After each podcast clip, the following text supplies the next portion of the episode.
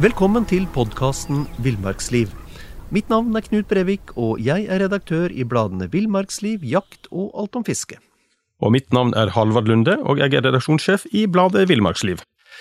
I dag skal vi snakke om det norskeste dyret av alle, Halvard, villrein. Men først skal vi til Frankrike. Sier navnet Jean-Marie Chauvet deg noe? Det ringer ingen bjeller, Nei. men det, det, han høres ut som, eh, som litt sånn fransk, kanskje? Og kanskje, kanskje han som lager vinen du liker så godt, Knut? Nei, er det ikke det. Um, han er, um, han er um, Jean-Marie Chavet er en fransk grotteforsker. Og sammen med to kollegaer så oppdaga han ved en tilfeldighet en stor grotte i desember i 1994. De holdt på å utforske noen andre grotter i området, helt, helt sør-sørøst i Frankrike, og så merka de at det trakk luft fra en sprekk litt høyere opp. Eh, de, litt, de bala litt, og så kom de seg inn i ei hule. Og der oppe oppdaga de et fantastisk galleri med veggmalerier. Og det var, det var bilder av mammuter, varianter av det vi i dag kaller villsvin, nesehorn, bjørner, løver, hester, leoparder, bøfler, hyener, aper.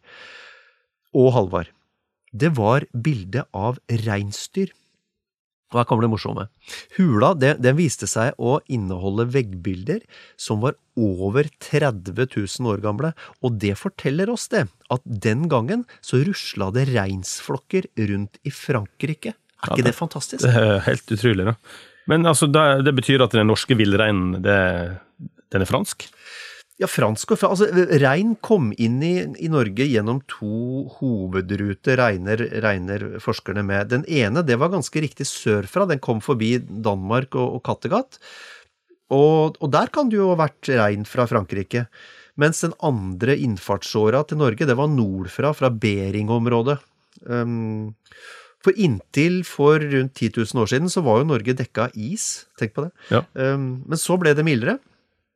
Og isen begynte å trekke seg tilbake fra, fra innlandet, og da isen slapp grepet om Norge, så kom villrein sørfra og nordfra. Og etter villrein så fulgte våre forfedre alvor.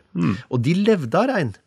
De, de brukte skinnet til mat, de brukte det til klær, de brukte bein, beinrestene til redskaper. Og, og det er faktisk sånn at siden den gang så har villrein og nordmannen hatt en sånn tett sammenvevd historie. På, på Dovrefjell blant annet. Så mellom Dombås og Kongsvoll så er det Så, så, har, så har arkeologer, og, og i og for seg også andre, funnet 1200 fangstgroper. Og det sier litt om hvor viktig jakta på villrein var for forfedrene våre. 1200 fangstgroper, Ja, altså. I sånne systemer, nærmest. Ja. Men, eh, men vi må jo ikke helt til Frankrike for å finne helleristning av rein, må vi det? Nei da, det må vi ikke. Eh, rein den spiller en ganske dominerende rolle, den, også i norske helleristninger, da, eller berg... Say hello to a new era of mental health care. Cerebral is here to help you achieve your mental wellness goals with professional therapy and medication management support. 100% online. You'll experience the all new Cerebral Way, an innovative approach to mental wellness designed around you. You'll get a personalized treatment plan from a therapist, prescriber, or both in a safe and judgment free space. Your Cerebral therapist or prescriber will outline a customized plan with clear milestones along the way so you can get to feeling your best. With Cerebral, you're not alone in your mental health journey. We're here to empower you to live a fulfilling life. So take that first step towards a brighter future and sign up today at cerebral.com slash podcast and use code ACAST to get 15% off your first month. Offer only valid on monthly plans. Other exclusions may apply. Offer ends July 31st, 2024. See site for details. Botox Cosmetic, out of botulinum toxin A, FDA approved for over 20 years. So, talk to your specialist to see if Botox Cosmetic is right for you. For full prescribing information, including boxed warning, visit BotoxCosmetic.com or call 877-351-0300. Remember to ask for Botox Cosmetic by name. To see for yourself and learn more, visit BotoxCosmetic.com. That's BotoxCosmetic.com. bergkunst, som, som det også heter. De er riktignok ikke så gamle som bildene i den Chavet-hula, men de er veldig, veldig vakre.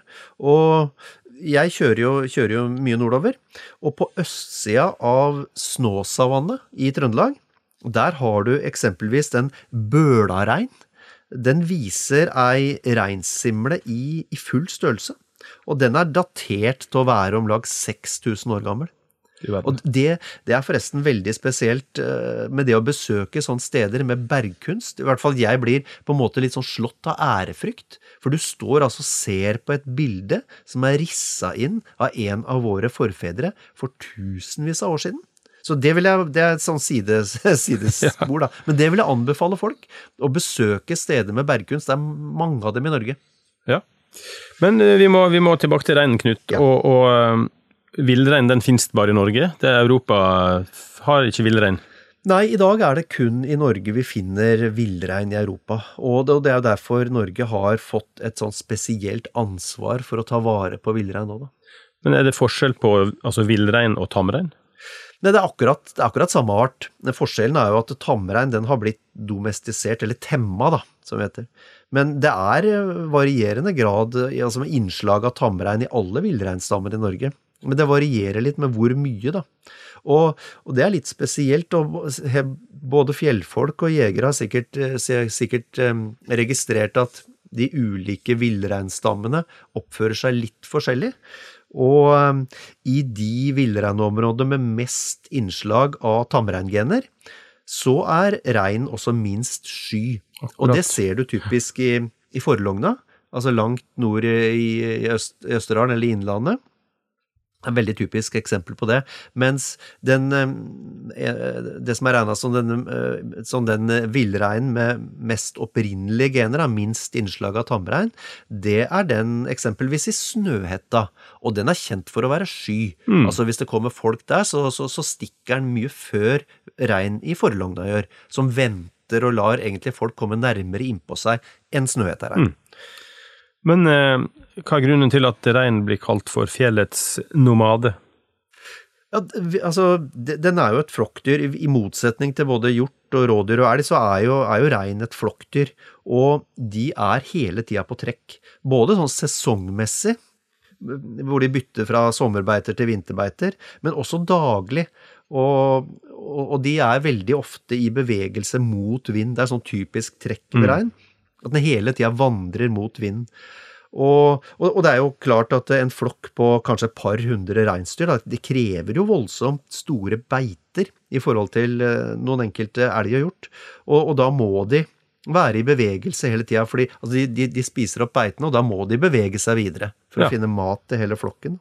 Men altså, den er jo et flokkdyr, mens elgen og, og andre hjortedyr er individualister. Da. Ja. Hvorfor, hva har det sagt at eh, reinen går i flokk? Nei, det er jo altså Viltforskerne og biologene snakker jo, snakker jo, om det her med styrke i antall, da. Altså at det er bedre overlevelsesmuligheter i det å være én av en stor flokk. Mm. Det, er, det, er, ganske enkelt flere øyne som kan oppdage rovdyr. Um, og en stor flokk den er vanskeligere å angripe da, for, ett rovdyr eller en flokk med rovdyr.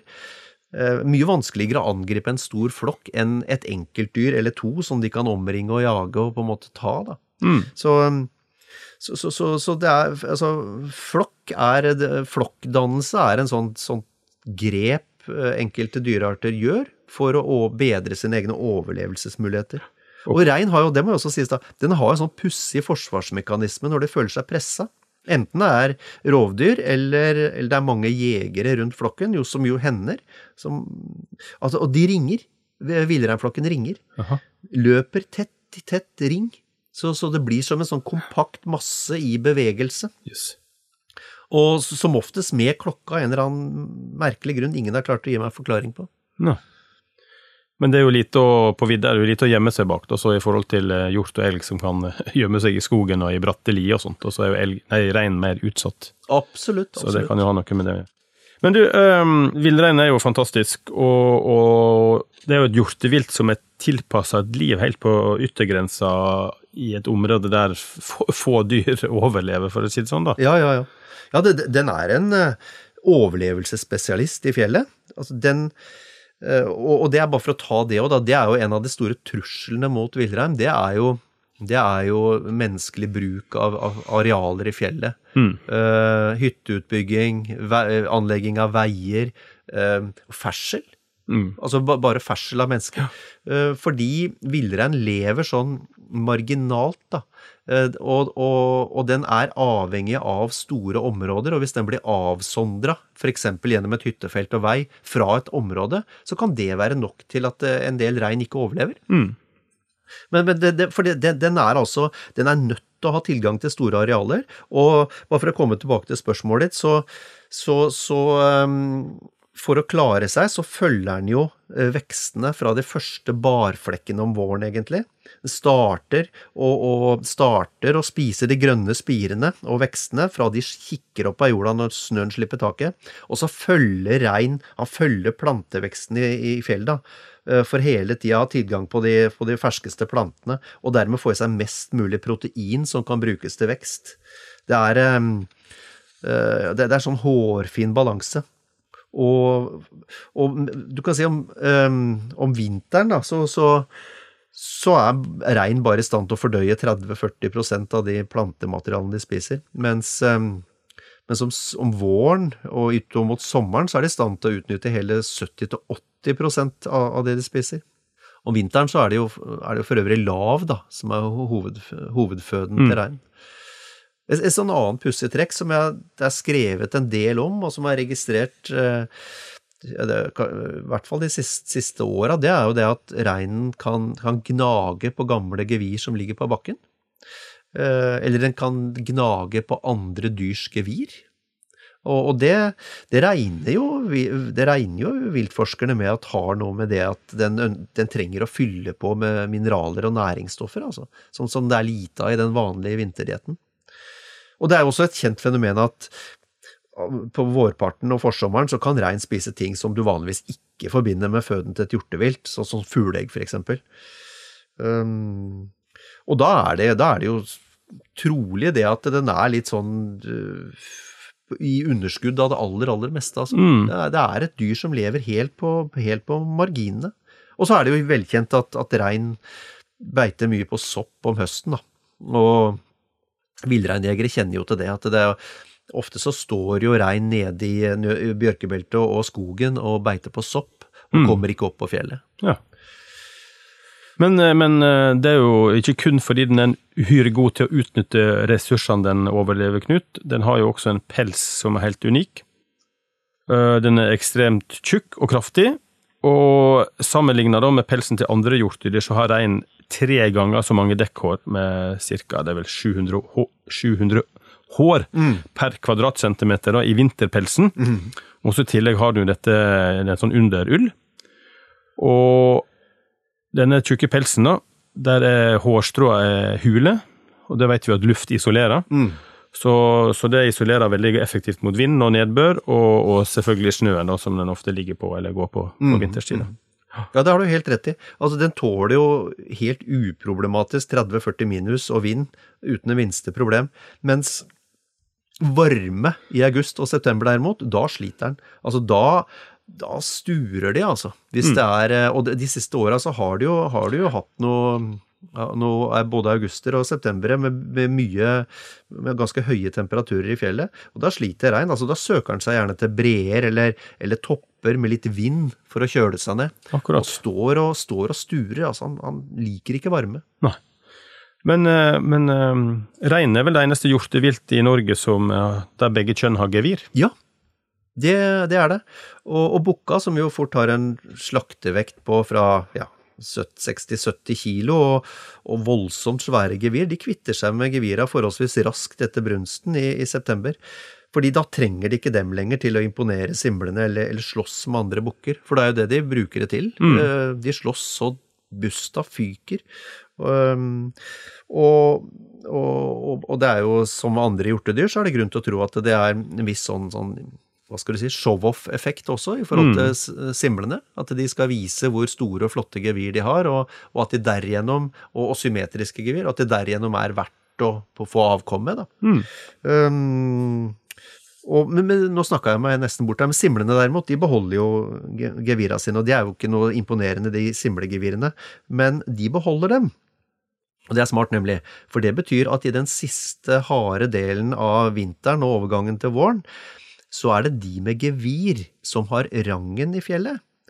Og det betyr at eh, da, simlene, da kan de jage bort de langt tyngre hannene, eh, og så får simlene tilgang til det beste beitet, det mest eh, næringsrike og, og friske mm, beitet, som gjør dem i stand til Altså, da vokser de, og da gjør dem i stand til å føde sterke og forholdsvis tunge kalver med større mulighet for overlevelse. For eh, så, så, så det er en sånn, sånn naturlig tilpasning som er ganske smart. Altså da, i det, På den tida av året så er eh, det er bukkene som vanligvis er de største og sterkeste og liksom topprangerte. Da er de helt i bånn. Mm. ja.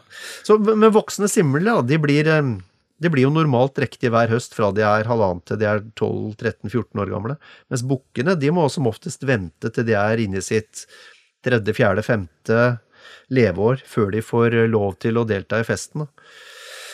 Um, mens, og nedkomsten, de, de føder jo gjerne i mai, og da finner de seg simlene, og da finner de seg gjerne barflekker da, høyt til fjells.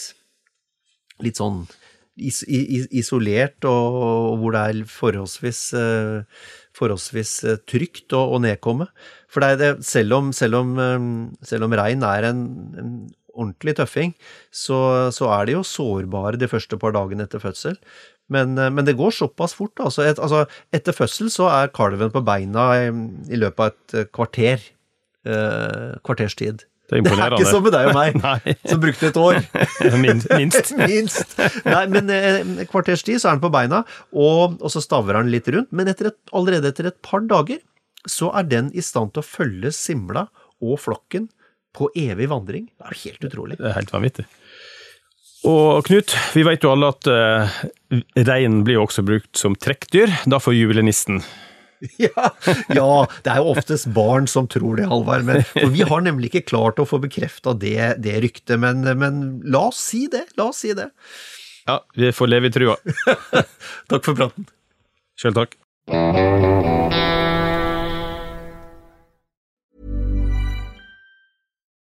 Botox Cosmetic, out of botulinum toxin A, FDA approved for over 20 years. So, talk to your specialist to see if Botox Cosmetic is right for you. For full prescribing information, including boxed warning, visit BotoxCosmetic.com or call 877-351-0300. Remember to ask for Botox Cosmetic by name. To see for yourself and learn more, visit BotoxCosmetic.com. That's BotoxCosmetic.com.